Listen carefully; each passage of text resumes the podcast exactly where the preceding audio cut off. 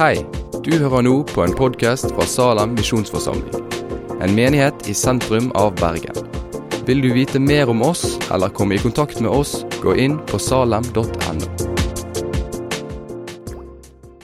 God kveld. Ehm, ja, respons, det er sjeldent. Eh, jeg er Kristian. Jeg er ungdomspastor i Salem. Jeg trives veldig godt. Og eh, dag eh, Har ikke vært digg vær i dag, da? Det har vært helt eh, nydelig.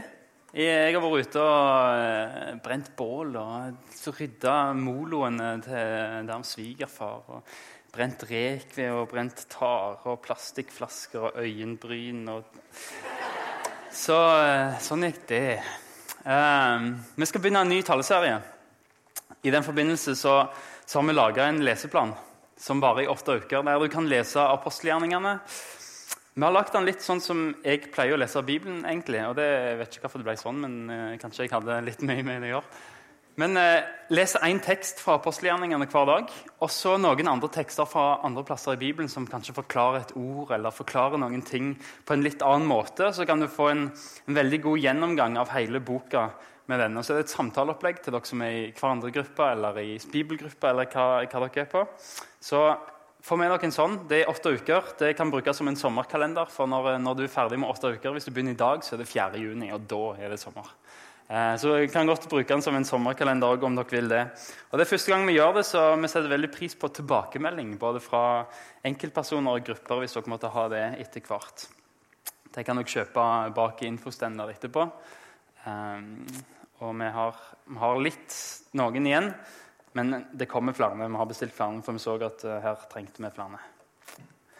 Eh, vi skal snakke om apostelgjerningene de neste 20 ukene, faktisk. Og Det kan være greit å bare vite litt sånn generelt om at han som har skrevet apostelgjerningene, det er den samme fyren som har skrevet Lukasevangeliet i Bibelen. Som har altså skrevet to bøker. Eh, den første er, eller han, han, som har skrevet, han er lege, da, doktor. Det passer jo for veldig mange som går medisin i, i, Salem. Men han er lege og vitenskapsmann, historiker. Eh, og han er en god venn av Paulus, som er en av de viktigste figurene i apostelgjerningene. Så han var til stede på mye av det som skjedde. Han som skrev det. Han er høyt utdannet. Og faktisk er det mange historikere i dag som er veldig imponert over det Lukas har skrevet. Både evangeliet og apostelgjerningene ser at det her er historisk troverdig. er det mange, Både kristne og ikke-kristne historikere som sier. Og Så handler, så er altså apostelgjerningene volum to i en sånn tobinds historieverk om kristendommen. Eh, volum 1, altså Første bindet det er Lukas, det handler om Jesu liv. Og andre bindet er altså apostelgjerningene. Det starter med at Jesus drar opp til himmelen eh, og lar disiplene være igjen. Og Navnet 'Apostelens gjerninger' fikk boka veldig tidlig. Det er ikke originalnavn. det er ikke sånn at forfatteren skrev dette er apostelens gjerninger, men, men, de som leste boka noen generasjoner etter det på, de begynte å kalle den for 'Apostelens gjerninger'. Men kanskje er navnet litt misvisende. fordi det handler egentlig ikke om alle apostlene, om de tolv. Eh, egentlig så er det bare noen få det handler om. og Ikke alle apostlene blir nevnt utenom en eneste gang helt i begynnelsen av boka. en gang. Eh, og Stort sett så handler boka om Paulus og Peter. Jeg, men egentlig så tror jeg vi kunne gitt boka et annet navn. Vi kunne sagt at dette er Jesu Kristi gjerninger gjennom Den hellige ånd i apostlene. For det er det boka handler om. Hva Jesus og Den hellige ånd gjør gjennom de første kristne. I de første 30 åra etter at kristendommen starta. Etter at Jesus for ut til himmelen. Og så handler boka om hvordan evangeliet blir spredd fra Jerusalem, som er den religiøse hovedstaden i Asia, helt til Roma, som er den mm, sekulære metropolen i Europa. Hvordan egentlig evangeliet kom til Europa. Og Boka er skrevet til en kar som heter Theofilus. Ja, det er et navn som, eh, som betyr en som elsker Gud, eller en som er elska av Gud. Eh, en som er i alle fall venn med Gud. Eh, en som vil kjenne Gud bedre en, en sannsynligvis Lukas kaller han ærede Theofilus. Kanskje en som er høyt på strå, en, en viktig fyr i, i, Roma, eller hvor den skulle være. det vet vi ikke helt. Men iallfall til en som elsker Gud. og Da tror jeg boka er adressert til mange av oss her inne. Mange som vil kjenne Gud, som vil elske Gud. Vi kunne sagt veldig mye om apostelgjerningene, men i dag skal vi gå til temaet hva når Jesus forsvinner for oss. Når jeg leste i apostelgjerningene, så, så var det ett spørsmål som meldte seg helt fra starten. og det var, Hva hadde jeg gjort hvis Jesus plutselig forsvant sånn? Fordi Disiplene erfarte nettopp det. De gikk med Jesus. og så, Han døde jo og sto opp igjen. Det var jo krise for dem at han døde, men han sto opp igjen. og de bare, ok, greit, han sto opp igjen. Eh, og Så var de sammen med Jesus i 40 dager til. Og så plutselig for han opp til himmelen. En dag så bare, Mens han snakket til dem, så, så bare opp i ei sky, og så forsvinner han. Så, det er en sånn Trek, som Beam me up, skal de. Eh, og så står de der, og så glor de opp i himmelen. Og så ser de liksom Hva skjedde nå? Hva i all verden skjedde nå? Hva skal vi gjøre? Jeg ser for meg De kanskje var litt rådville. Her er han som har vært lederen deres i tre år. bare zitt, hva gjør vi nå? Han bare forsvant. Jeg ser for meg de kanskje var litt redde. Liksom, hvor ble det av lederen vår? Og Så står de der og glor opp i himmelen. Og Det, det skjer noe da som er veldig skremmende likt det som ville skjedd i dag hvis du hadde stått og glodd opp mot himmelen. For Bibelen sier det at de sto og glodde opp mot himmelen. Og så kom det to menn i hvitt. Det tror jeg hadde skjedd i dag òg. Hvis du hadde stått veldig lenge og glodd opp mot himmelen, så hadde det kommet to menn i hvite drakter. som bare, eh, eh. I dette tilfellet så tror jeg ikke de kom fra DPS. Jeg tror det var engler fra himmelen, sånn som de sier. Men uansett så, så leste jeg dette og tenkte Her er jo apostlene på samme plassen som jeg er. Ofte. Jesus er borte. Hvor er Jesus når, når jeg er deprimert? Når jeg sliter med å ta et valg? Når, når mamma er, eller bestemor er dødssyk? Når tvilen er så uendelig mye større enn troen? Hvorfor kan jeg ikke se Jesus? Og Jeg tror at apostlene, måten de oppfører seg på, kan gi oss noen svar. Hva skal vi gjøre når Jesus forsvinner for oss? Hvor, hvor leter vi etter Jesus da? Det første jeg vil understreke, det er altså, Jeg kan si én ting. da. Det, når jeg skrev den talen, så ble det nok tale til tre, altså tre taler. Det var halvannen time. Og slapp av. Jeg har korta ned, så det er liksom best av halvannen time. Men Det var mye jeg kunne sagt, men det er noen ting jeg vil trekke fram. Og det første jeg vil trekke fram, er det englene sier til apostlene. Jesus har reist opp til himmelen, men det er ikke punkt om han kommer tilbake. Han har frelst de som tror, men han skal komme tilbake en dag, og så skal han hente de som tror på han til himmelen. Og Da skal vi være sammen med Jesus i en evighet. Vi skal aldri miste han av syne. Det skal ikke være rom for å tvile fordi, fordi han bare er der med oss. Og Paulus skriver også det, for, for når befalingen lyder når erkeengelen roper og Guds person høres, da skal Herren selv stige ned fra himmelen, og de døde i Kristus skal stå opp først. Deretter skal vi som er igjen og ennå lever, bli rykket bort sammen med dem i skyene for å møte Herren i luften. Og så skal vi være sammen med Herren for alltid. Trøst og sett mot i hverandre med dette. Det er en fin trøst, men, men oss, vi, vi, er ganske unge, vi som er her. Og, og dette er en fin trøst å tenke på en gang i framtida. Men la oss være ærlige. Denne trøsten hjelper oss kanskje ikke her og nå. Jeg tviler. Jeg, jeg ser ikke Jesus. Jeg, jeg, har gått meg vill i troen. Jeg, jeg, lurer på hvor Jesus er. Bare, bare, slapp av. En dag skal du dø og møte Jesus. Ikke, den trøsten er utrolig bra å ha, men, men her og nå så hjelper den ikke alltid. Men det finnes andre svar. Hva når jeg ikke ser Jesus? Hva, hva gjorde disiplene? De søkte fellesskapet. I begynnelsen av apostelgjerningen så leser vi stadig vekk Disse er tre tekstene hentet fra, fra, de to første kapitlene. Men vi leser hvordan de holdt sammen. De holdt sammen i bønn. De holdt trofast til læren. Det er til Bibelen, til apostelens lære, til fellesskapet, til brødsbrytelsen og til bønnene. Hver dag holdt de trofast sammen på tempelplassen og hjemmene. De brøt brød altså av nattvær, og de spiste sammen med oppriktig og hjertelig glede. De sang og lovpriste Gud og var godt likt av hele folket. De søkte fellesskapet. Men, men, når det er Jesus du ikke ser, når, når han du tror på, og det er Jesus du har mista litt av syne, hva, hva skal fellesskapet hjelpe for da? Jo, det er faktisk sånn at vi som fellesskap her inne vi er kalt til å være et Jesus-fellesskap. Vi er kalt til å etterligne Jesus i måten vi er mot hverandre på. Det vil si at eh, når du kommer til Salem, om du er ny eller om du er, har vært her i mange år, så skal du djupest sett møte Jesus når du kommer inn i fellesskapet her. Ikke det at du ser han fysisk stå her, men, men måten vi er mot hverandre på. Jesus arbeider fortsatt her på jord. Han bytta bare kropp. Han Han for opp til himmelen med en kropp, og så ble han igjen for Han hadde en kropp før himmelfarten, men nå har han en annen kropp, og det er nemlig kirka. Fellesskapet av hans disipler. Og Bibelen sier det. Vi er hans kropp, og vi er hverandres lemmer. Det vil si at Hver for oss har vi oppgaver, karakterer, egenskaper som Gud har lagt inn i oss når vi ble kristne. Oppgaver som tilsvarer noe av det Jesus gjorde. Noe av Jesu karakter.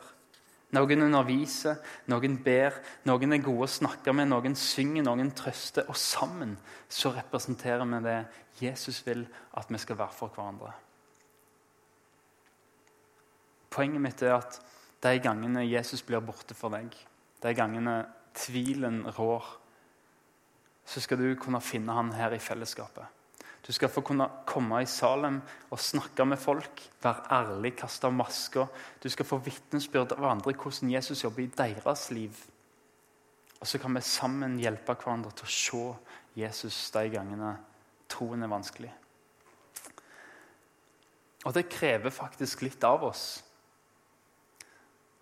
Det her er ikke noe sånn som, som, vi i ledelsen sitter og tar et vedtak på. sånn skal det være, og så blir det sånn, Men det krever at du som har Salem som din heimenmenighet, det krever litt av deg. For det første så krever det at hvis noen kommer til deg eh, med tvil og med, med, med, vanskelige ting og sier vet du hva, jeg, jeg, jeg var vanskelig for å tro nå, så innebærer det at du er nødt til å ta imot dem sånn som Jesus ville tatt imot dem.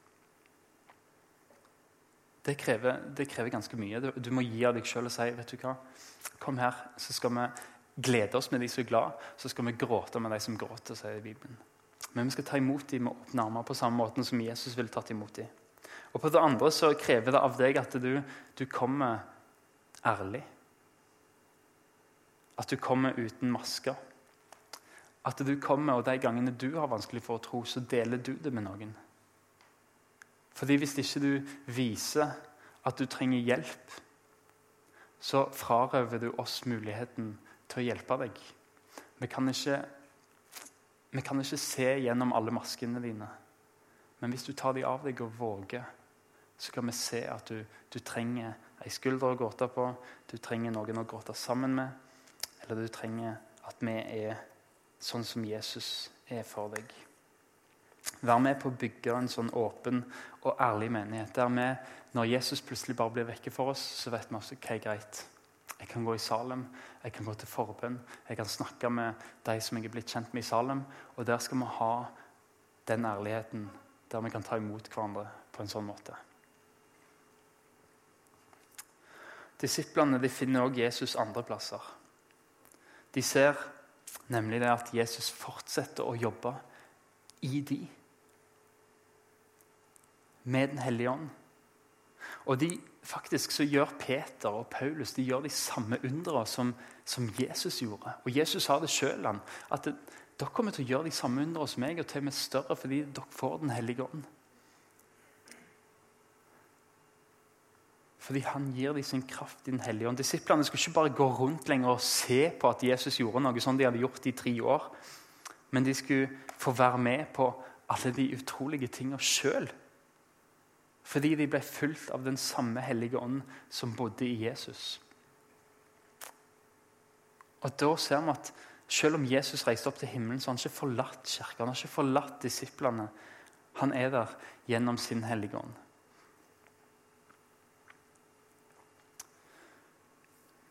Og disiplene som ikke lenger så Jesus Jeg ser for meg de må ha følt seg rådville. For her er han fyren som har tatt alle bestemmelser i tre år. Og de har bare dilta etter han tolv stykker. Dilta etter han der han gått. Han har sagt 'gjør sånn', og de gjorde sånn. Men, men hva skulle de gjøre nå? Når, når han som tok alle valgene, var vekke? Han som gjorde det enkelt å, å vite hva en skulle gjøre fordi han, han, bare sa det. Han er vekke. Og så måtte de jo allikevel ta noen valg, for, for ene apostelen var død. Judas han hadde tatt selvmord. Og så skulle de velge en som skulle være for Judas. Da. En som skulle ta hans plass.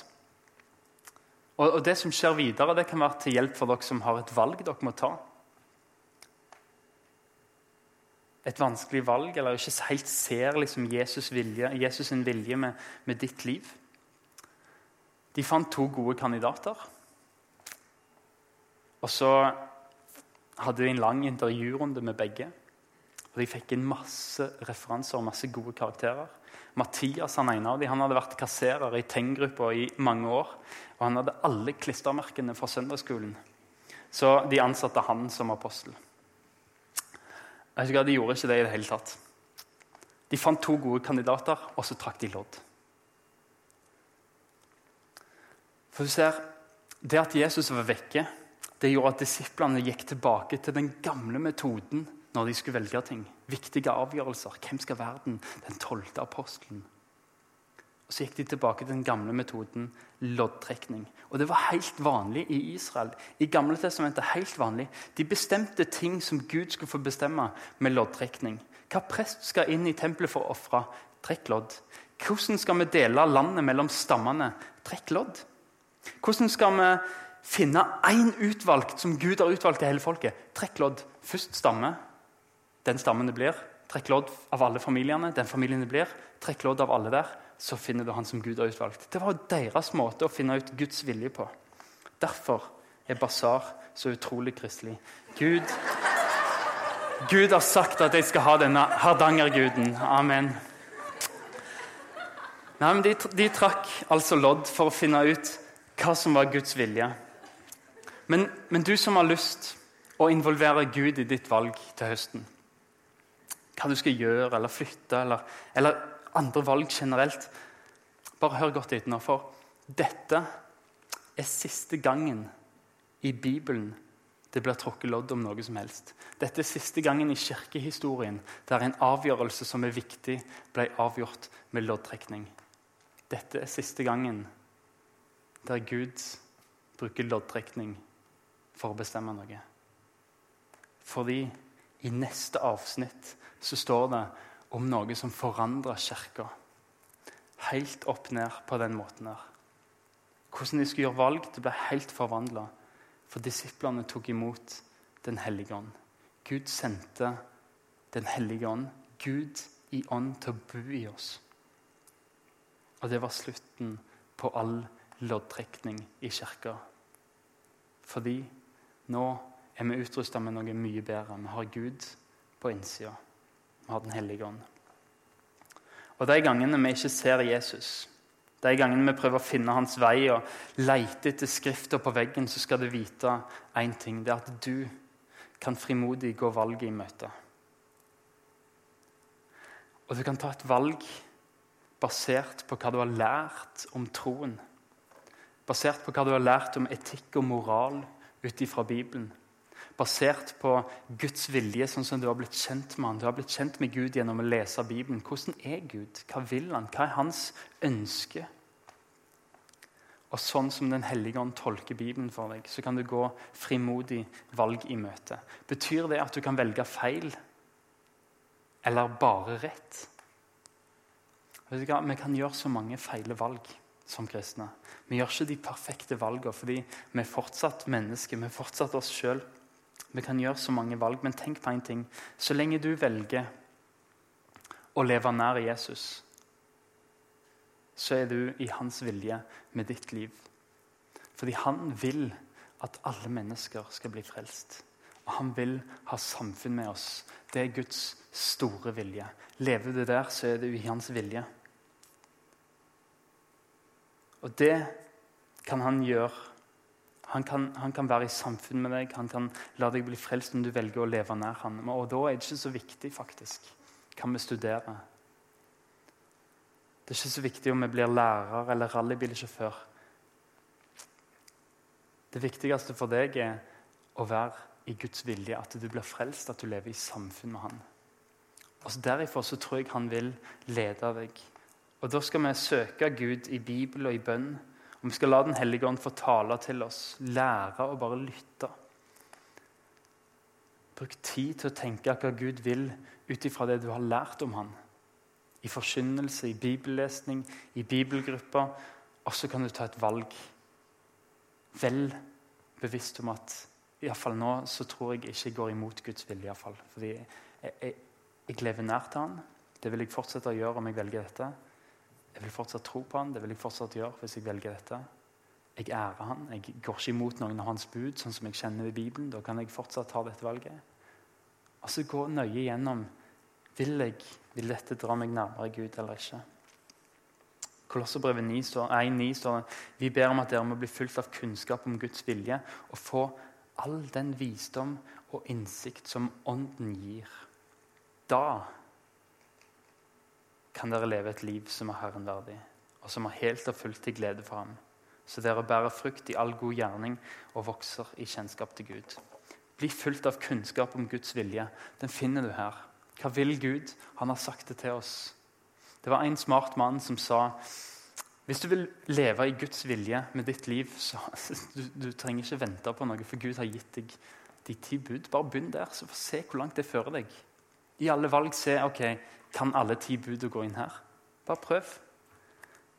Men bli fulgt av kunnskap om Guds vilje. Den finner du i Bibelen. Og så er det Ånden òg som gir oss visdom og innsikt. Og Jesus la faktisk aldri skjul på at det var bra for oss at han reiste opp. Det var faktisk bra for disiplene at eh, han ble tatt opp i en sky. De sto og glodde opp og lurte på hva i all verden som skjedde. fordi når han reiste opp, så kunne han sende oss Den hellige ånd. Han kan bo i oss og være med oss alle dager til verdens ende. Og det gjør at troen din er levende der du er, alltid.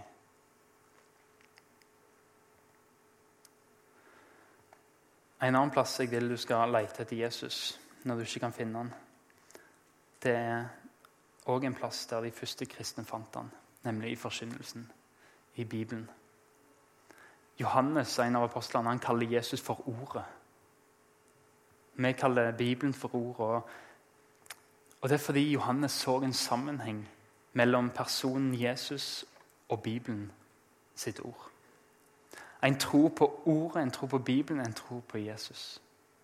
Konklusjonen er at Jesus er i en sann bibelsk forkynnelse. Der ordet blir forkynt, der er Jesus.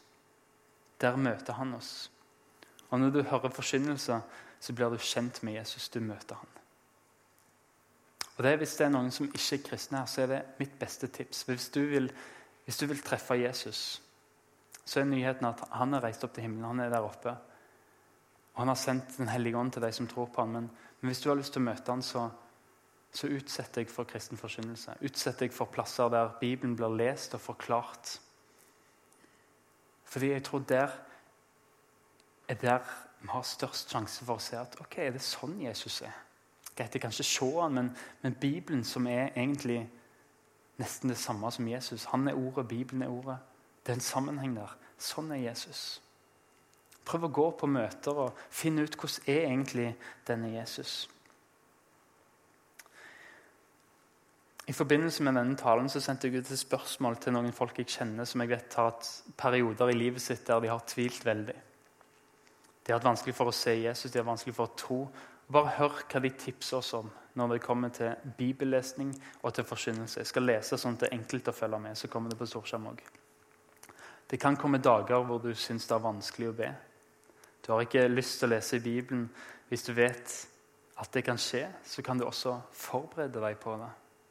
Mitt beste tips er å ha et fast sted og et fast tidspunkt hvor dere setter dere ned med Bibelen. Når det da kommer dager hvor dere ikke har lyst, har dere iallfall en rutine på det. Da er det greit å sette seg ned på det faste stedet, holde en lukka bibel i fanget og si til Gud i dag orker jeg ingenting. Jeg klarer ikke å lese, jeg orker ikke be. Hva du enn gjør, slutt aldri å sette deg ned på det faste stedet. Plutselig løsner det igjen. Og det har det gjort. Og det du har gjort når du har satt deg der, på trass, er at du faktisk har bedt uansett. Du har sagt til Gud hvordan du har det, og han har hørt. Rutine, noen ganger på trass, er en del av min tilbedelse. Og jeg takker Gud for at han er den samme uansett hvordan jeg føler meg. Det vil si, De gangene du har det bra, så bygg opp en slags en bank. Bare lær deg rutiner. Hver dag den plassen leser jeg i Bibelen. Og når tvilen kommer, så fortsett uansett. For der møter Jesus deg.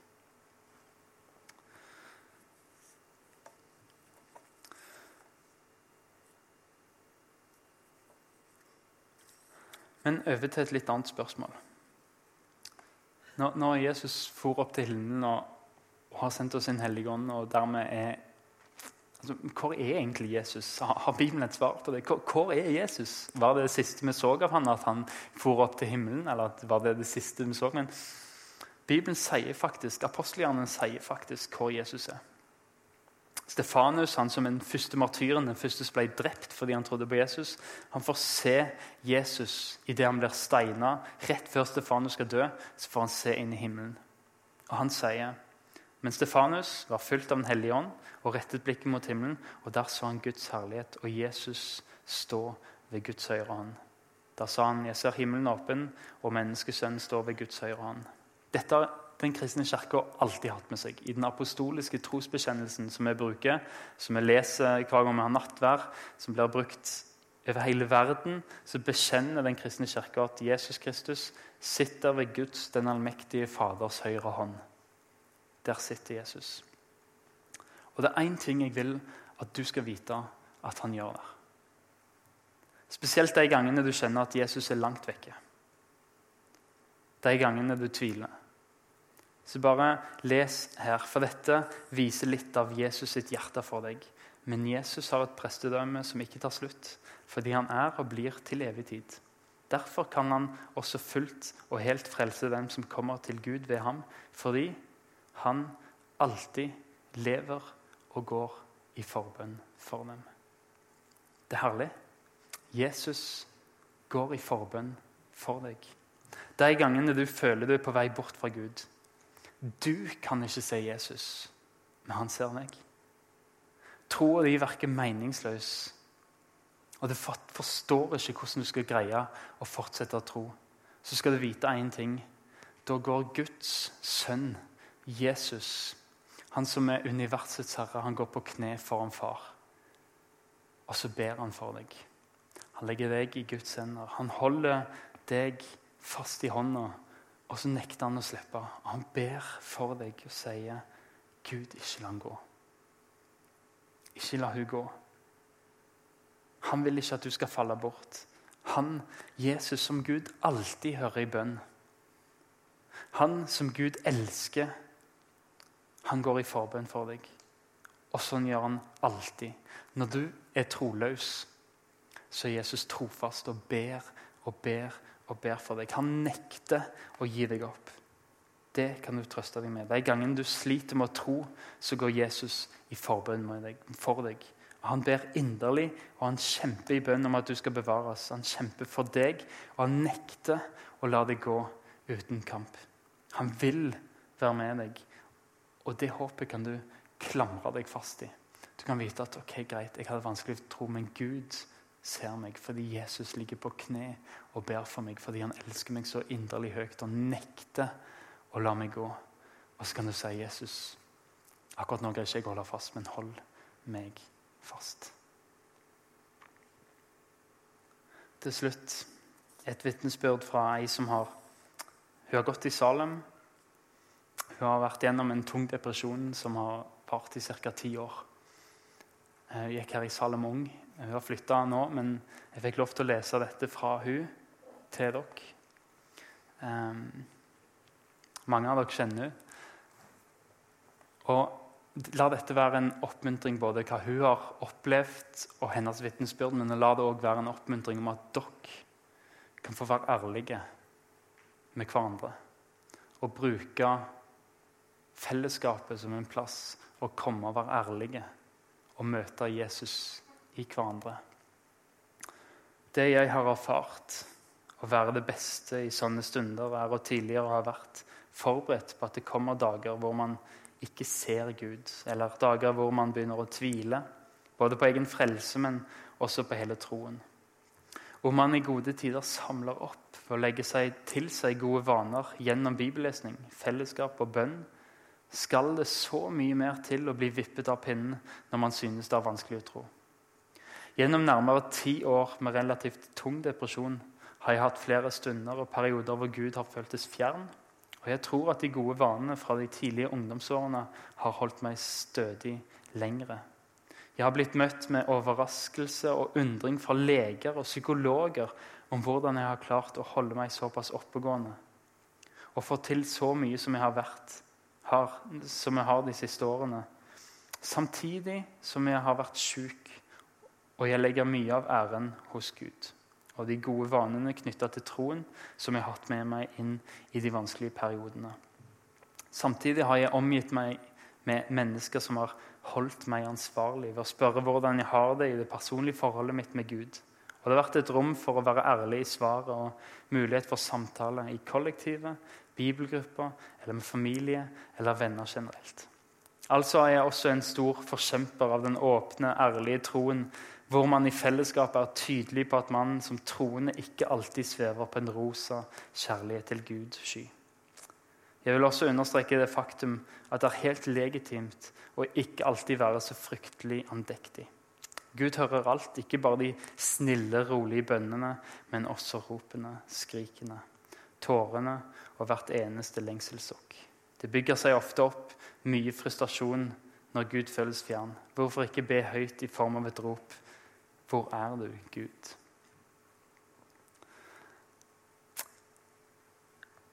Du som kanskje er i en periode der du tviler. Bruk fellesskapet.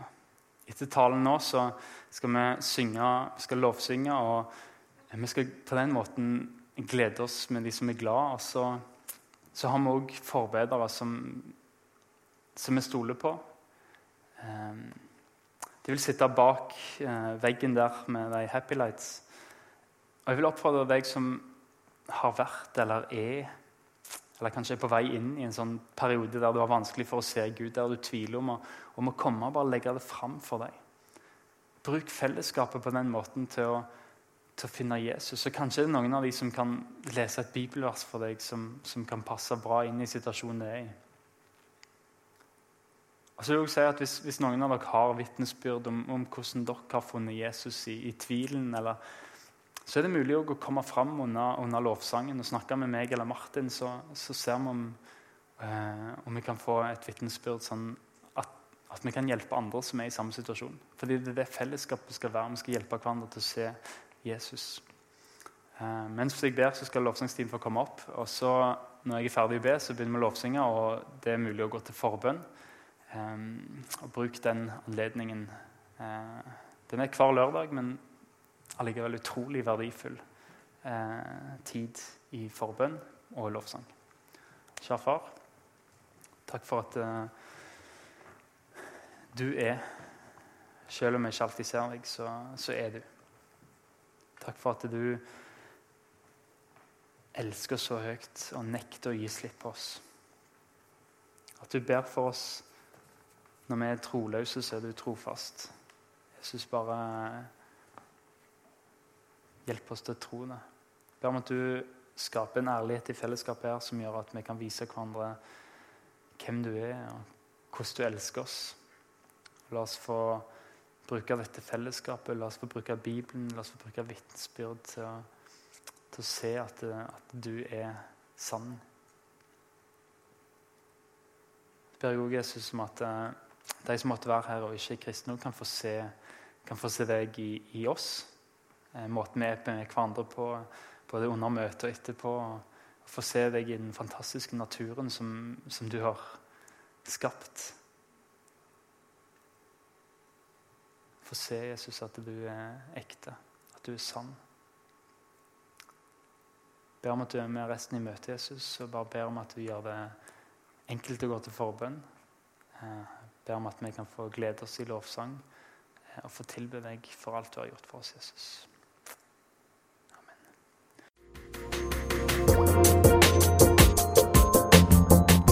Takk for at du har hørt på podkasten fra Salem, Bergen. I Salem vil vi vokse i et stadig dypere fellesskap med Gud og med hverandre. Vi vil være Jesu hender og føtter, og vi vil være med å forkynne frelse for Bergen og resten av verden. Besøk oss gjerne på salem.no om du vil vite mer.